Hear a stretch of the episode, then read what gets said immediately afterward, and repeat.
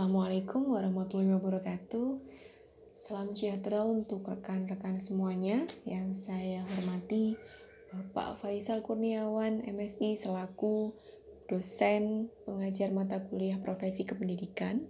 Kemudian yang saya hormati Ibu Safitri Damayanti SPD selaku pemateri di acara podcast kuliah tamu profesi kependidikan guru, media, dan pembelajaran di masa pandemi.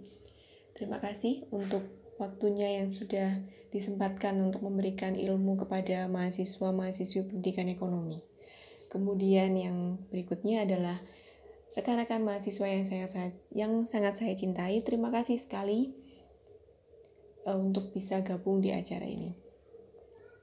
Sekali lagi saya ucapkan sangat-sangat terima kasih karena Bapak Faisal sudah berkenan menyelenggarakan kegiatan podcast ini yang ini sangat berguna dan sangat bermanfaat bagi rekan-rekan mahasiswa semuanya karena mata kuliah profesi kependidikan merupakan mata kuliah atau salah satu mata kuliah yang akan menjadi penunjang nantinya untuk Anda semuanya atau rekan-rekan mahasiswa ketika sudah lulus dan menjadi guru. Karena menjadi guru profesional tidak hanya cukup mengajar saja tapi juga harus memiliki dasar-dasar bekal ilmu yang sangat banyak gitu. Kemudian di acara ini saya sangat berharap kepada rekan-rekan mahasiswa semuanya untuk dapat mengikuti seluruh materi, seluruh rangkaian acara dengan baik, menyimak, mengikuti, kemudian menggali lebih dalam semua ilmu, semua informasi yang disampaikan, sehingga dapat membekali Anda semuanya untuk melangkah dalam menempuh jalan menuju seorang guru nantinya. Karena jalan Anda tidak akan berhenti ketika kuliah saja, tapi di kuliah inilah atau di tahap inilah Anda harus uh, mengumpulkan, Anda harus mempunyai banyak sekali pengalaman sehingga nanti ketika lulus, nanti ketika terjun di dunia masyarakat dan utamanya menjadi seorang guru, Anda bisa menjadi seorang pendidik yang sangat baik, pendidik yang profesional, yang memiliki tidak hanya bekal ilmu tapi banyak pengalaman. Karena pengalaman itu tidak hanya Anda dapatkan dari apa yang Anda hadapi atau Anda jalani saja, tapi pengalaman juga bisa Anda dapatkan dari berbagai sumber, dari berbagai cerita yang disampaikan oleh narasumber gitu. Dan terima kasih kepada Ibu Safitri Damayanti. Saya berharap Ibu bisa memberikan banyak ilmu, memberikan banyak pesan kepada mahasiswa kami, mahasiswa pendidikan ekonomi, sehingga mahasiswa kami atau rekan-rekan mahasiswa ini nantinya bisa menjadi mahasiswa yang punya segudang ilmu. Apalagi Ibu Safitri juga salah satu anggota dari MGMP IPS. Semoga nanti bisa memberikan ilmu, bisa memberikan bekal terkait dengan guru yang juga disandingkan dengan uh, eh, IPS sehingga menjadi sebuah kesatuan yang sangat utuh bagi perkembangan atau pengalaman yang akan didapatkan oleh mahasiswa pendidikan ekonomi. Mungkin itu pendahuluan dari saya. Terima kasih sekali lagi saya ucapkan kepada Bapak Faisal Kurniawan. Sudah luar biasa sekali mengajar memberikan kuliah, memberikan berbagai pengalaman kepada mahasiswa pendidikan ekonomi. Kami dari Prodi tidak bisa membalas apa yang sudah Pak Faisal berikan. Semoga Tuhan memberikan yang terbaik untuk Pak Faisal, dimudahkan studinya, kemudian diberikan selalu kebahagiaan dan bisa lancar sukses dalam karirnya. Juga untuk rekan-rekan mahasiswa, semoga menjadi rekan-rekan mahasiswa yang lancar dalam kuliah, dan nantinya bisa menjadi guru yang profesional. Demikian mungkin pendahuluan dari saya. Terima kasih. Wassalamualaikum warahmatullahi wabarakatuh. Selamat mengikuti acaranya. Semoga menyenangkan dan bisa mengambil manfaat yang begitu luar biasa. Terima kasih. Baik itu tadi sambutan dari Buka Prodi Pendidikan Ekonomi Iki Budi Utomo Malang, Ibu Melisa Wahyu. Terima kasih Ibu atas sambutannya untuk acara selanjutnya yaitu materi inti dari kuliah tamu kita hari ini yang bertemakan guru, media, dan pembelajaran di masa pandemi. Di sebelah saya sudah ada Ibu Safitri Damayanti. Beliau adalah guru IPS SMP Muhammadiyah 2 Malang. Selama pandemi, beliau aktif di kegiatan organisasi yaitu MGMP IPS SMP Kota Malang di PGRI, kemudian juga aktif dalam pembimbingan siswa yang mengikuti Olimpiade IPS uh, di tingkat nasional. Baik, uh, Assalamualaikum Bu Safitri, bagaimana kabarnya? Waalaikumsalam Pak Faisal, Alhamdulillah sehat Pak. Ya Ibu, ini saya ingin di kuliah ini tanya-tanya ya Bu ya. Uh, kita tahu dalam masa pandemi ini kita khususnya pembelajaran itu mengalami penyesuaian-penyesuaian. Salah satu di antaranya dalam proses pembelajaran.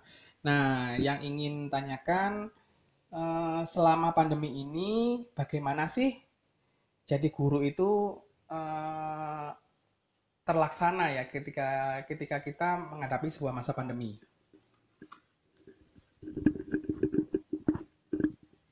Uh, baik, uh, kita semua tahu ya sekarang ini dunia itu sedang mengalami yang namanya pandemi COVID-19. Uh, itu berakibat pada semua aspek, terutama pada kami sebagai seorang guru, sebagai seorang guru dalam pembelajaran. Nah, dalam pembelajaran tentu banyak perbedaan yang kami alami, Pak. Uh, misalkan dulu ya sebelum ada pandemi, kita itu mengajar secara offline atau luring, secara langsung kepada anak-anak, bertemu di kelas secara tatap muka langsung. Nah, ketika ada pandemi COVID-19 ini, tentu pembelajaran sudah tidak bisa berlangsung seperti itu lagi. Kita mengajar dibatasi oleh media. Kita mengajar secara online melalui beberapa aplikasi ya pendukung dan sebagainya yang bisa kami gunakan untuk menyampai, tetap menyampaikan materi, tapi kami masih dibatasi media. Nah, ini tantangan pembelajaran kira-kira kalau di masa pandemi itu seperti apa ya Bu ya? Kan kita tadi seperti Ibu tadi bilang bahwa ada salah satu media penghambat ya. Jadi di sini ada kita terbatasi oleh media virtual. Nah, kira-kira uh, tantangan dalam pembelajaran itu seperti apa Ibu?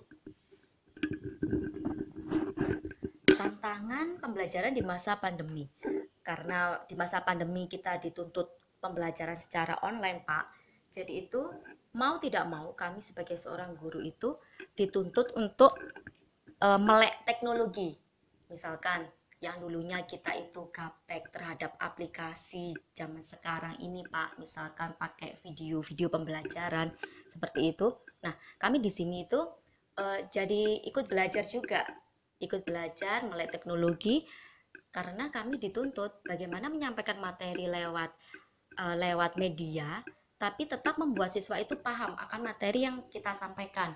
Misalnya kalau saya, kalau pengalaman saya ya, selama pandemi ini, pembelajaran yang saya lakukan kepada kepada siswa, saya sampaikan materi itu lewat video. Jadi saya membuat video pembelajaran, di situ saya berperan, saya menyampaikan materi hari itu, dan selain video, saya juga menggunakan uh, ini PowerPoint tapi PowerPoint juga bukan sekedar PowerPoint ya Pak ya. Maksudnya bagaimana sih kita itu berinovasi supaya PowerPoint yang kita sajikan itu menarik bagi siswa, membuat siswa itu eh, mau membaca. Kan kadang siswa itu sudah kami sajikan gitu ya materi, tapi mereka enggan untuk membaca. Bahkan itu kadang ada yang dibaca cuma sampai judulnya aja Pak, tapi tidak dibaca sampai selesai. Nah, itu tantangan juga buat kami bagaimana menyajikan materi secara online, tapi itu membuat e, minat siswa untuk belajar itu tetap tinggi seperti pada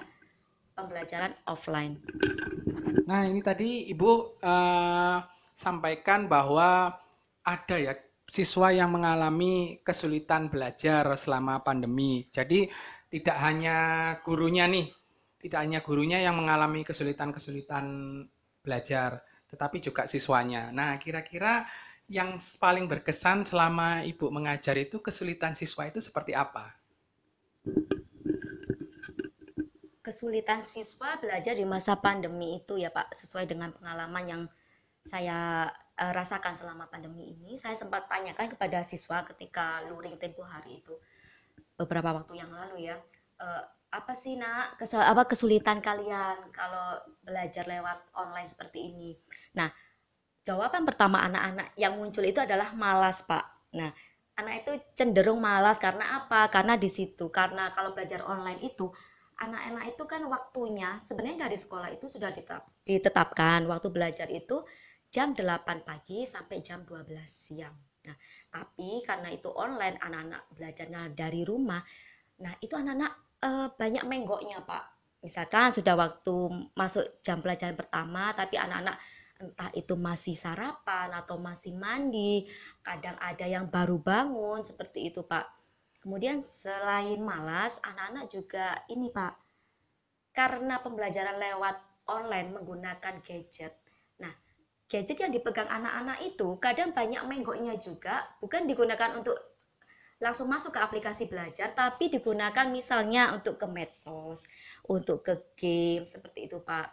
Dan ada juga yang keterbatasan dalam ini Pak, kepemilikan perangkat pembelajaran. Jadi ada beberapa siswa itu yang memang tidak punya ini ya HP secara pribadi yang bisa mereka gunakan ketika jam pelajaran berlangsung, pembelajaran online. Ini dari segi siswa ya Bu ya. Kita juga tahu bahwa selain siswa uh, ada faktor-faktor lain mungkin dari sisi uh, hambatan ya dalam kegiatan pembelajaran. Kemudian dari sisi itu sekarang bagaimana selain solusi tersebut selain dari pihak guru, dari pihak lembaga bagaimana cara mengatasinya? Serta mungkin nanti mungkin Ibu bisa jelaskan juga bagaimana eh, keterbatasan eh, dan juga nanti peran lembaga dalam mengatasi keterbatasan-keterbatasan yang ada yang dimiliki bagi peserta didiknya.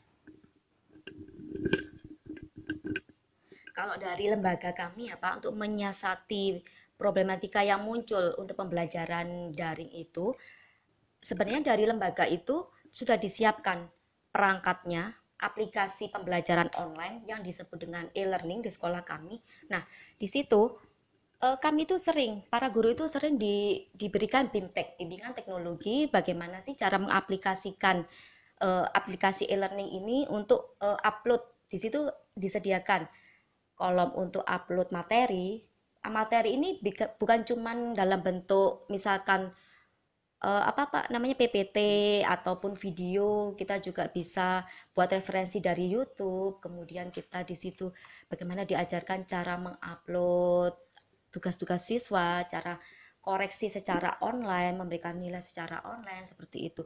Jadi lembaga kami alhamdulillah sudah memfasilitasi untuk aplikasi pembelajaran anak-anak. Dan selain gurunya yang diberi BIMTEK, anak-anak juga demikian Pak. Anak-anak jauh sebelum pembelajaran online dimulai, anak-anak juga sudah diberikan tutorial bagaimana cara masuknya ke aplikasi tersebut, bagaimana mengoperasikan eh, aplikasi tersebut.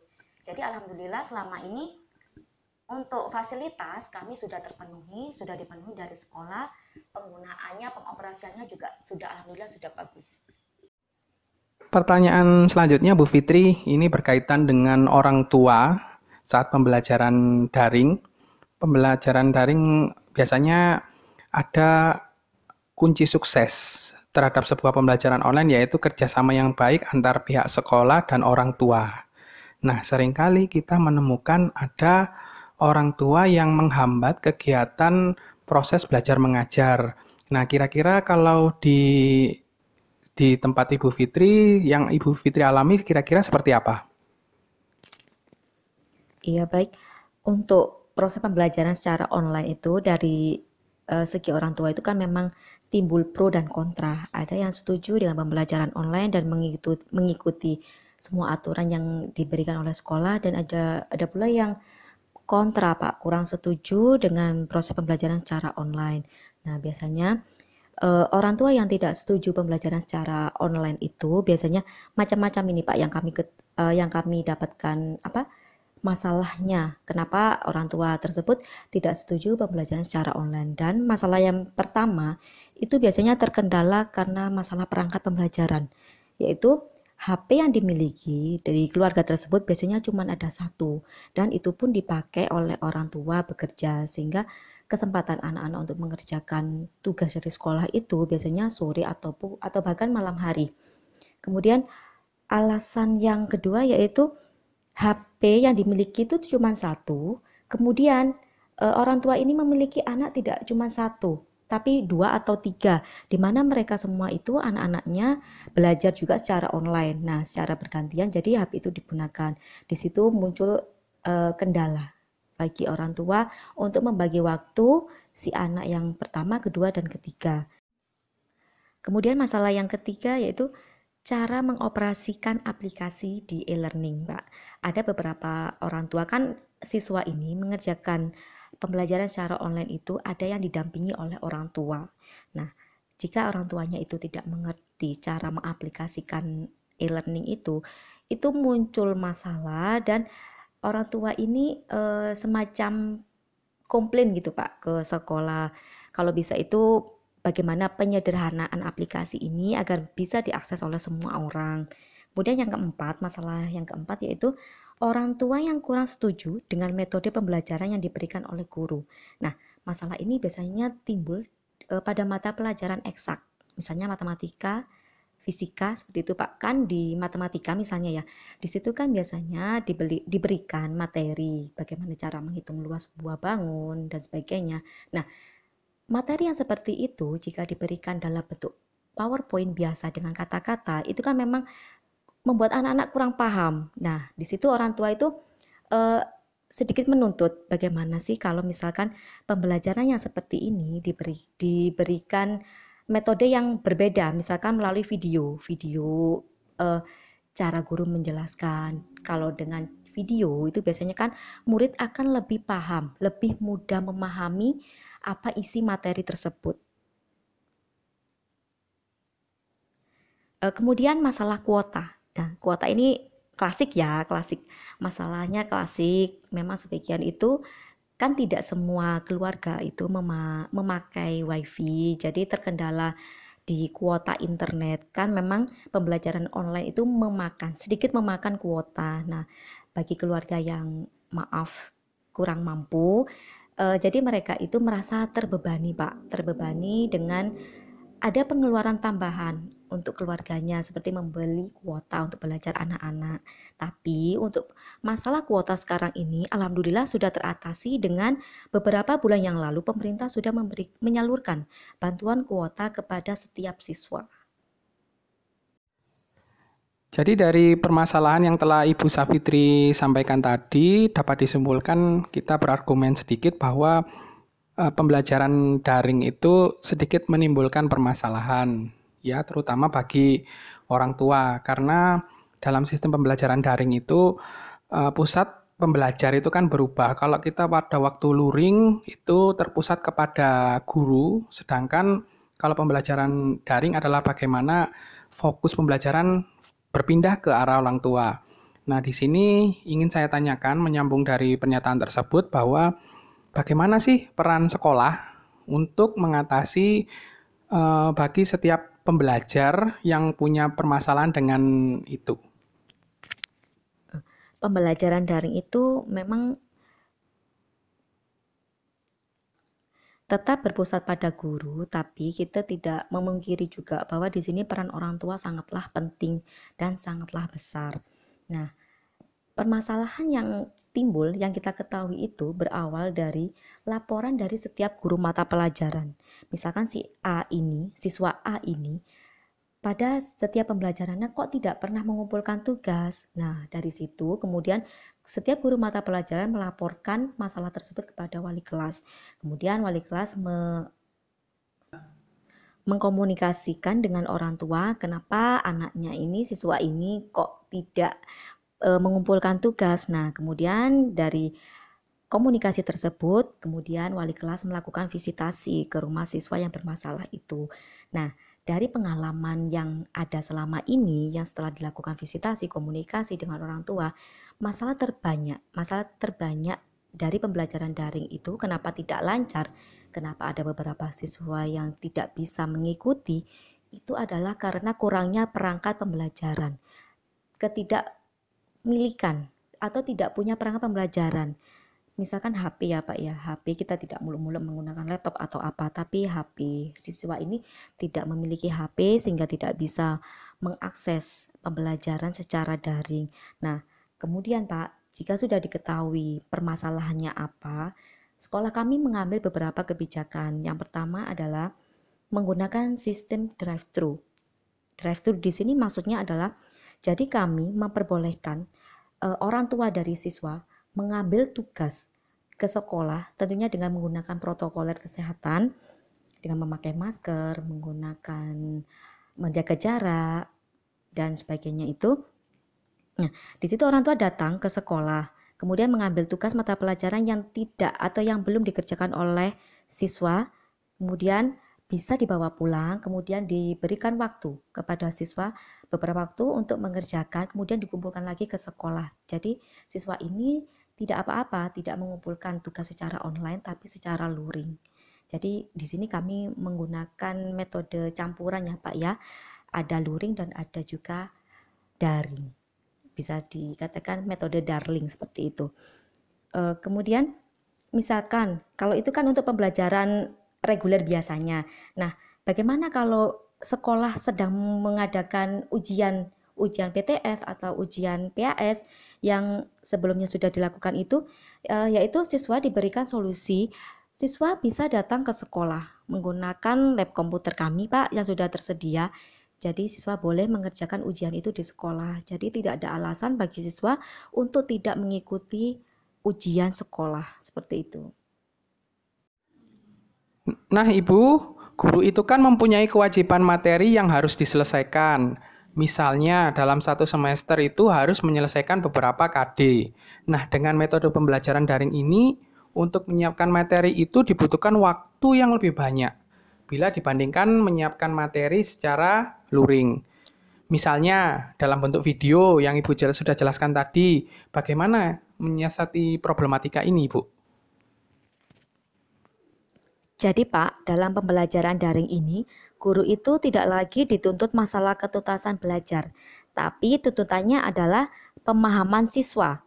Misalkan, dalam satu semester ada 4 KD. Nah, dengan pembelajaran daring ini, kita tidak wajib menuntaskan semua KD. Kita lakukan penyederhanaan KD, Pak, di mana KD yang isi materinya sama, itu cukup kita ambil salah satu saja. Jadi, guru itu harus lebih fokus untuk pemahaman siswa. Nah, di sini guru itu harus inovatif dalam memberikan metode pembelajaran agar siswa itu lebih paham dengan materi yang akan kita sampaikan. Misalnya, Pak, saya akan menyampaikan materi tentang pasar tradisional. Nah, di sini saya bisa melakukan pembuatan video di pasar dengan menayangkan profil pasar tradisional, kemudian melakukan tanya jawab dengan pedagang yang ada di sana, melakukan transaksi dengan pedagang di sana, seperti itu Pak. Jadi, dengan menghadirkan dunia nyata dalam menyampaikan materi pembelajaran itu akan membuat siswa lebih mudah memahami materi, isi materi yang akan kita sampaikan, seperti itu.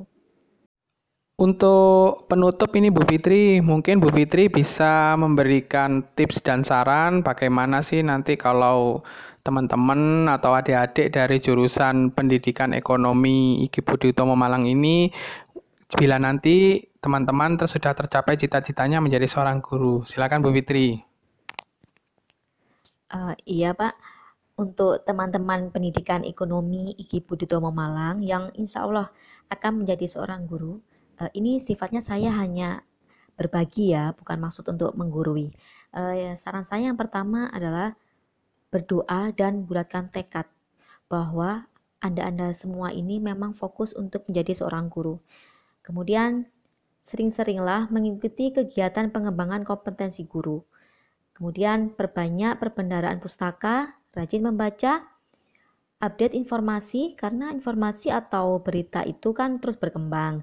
Jangan sampai kita sebagai seorang guru itu apa yang kita sampaikan pada siswa hanya sebatas materi pada buku, tapi perkembangan ilmu pengetahuan, terutama yang berhubungan dengan materi kita, harus kita update, kita sampaikan pada siswa agar siswa kita berpengetahuan luas juga. Uh, kemudian jangan lupa juga kuasai pembuatan perangkat pembelajaran. Di dalamnya ada silabus, prota, promes, RPP, dan karena semua itu adalah acuan kita dalam mengajar nanti. Selanjutnya, melakukan pembelajaran yang inovatif pada siswa. Kemudian, jadi guru itu jangan cuma mengajar, tapi juga mendidik. Karena kalau hanya mengajar, fokus kita itu cuma pada ketuntasan materi. Tapi kalau jiwa kita terpanggil untuk mendidik, maka bukan cuma materi yang kita sampaikan, tapi mendidik siswa, membentuk karakter pada siswa atau pendidikan karakter ya. Uh, yang terakhir yang bisa saya sampaikan yaitu menjaga perilaku. Sebagai pendidik itu wajib ya, sebagai seorang guru menjaga perilaku karena apa yang kita perbuat, apa yang kita lakukan itu akan dicontoh oleh siswa. Sesuai dengan peribahasa Jawa yaitu guru itu digugulan ditiru. Jadi semangat ya untuk adik-adik pendidikan ekonomi. Insya Allah Tuhan mengabulkan cita-cita Anda semuanya. Amin. Baik Ibu Fitri, terima kasih atas sharing materi yang telah diberikan. Semoga dapat bermanfaat bagi semua, khususnya bagi peserta kuliah tamu podcast kali ini. Bila taufik walidayah, wassalamualaikum warahmatullahi wabarakatuh.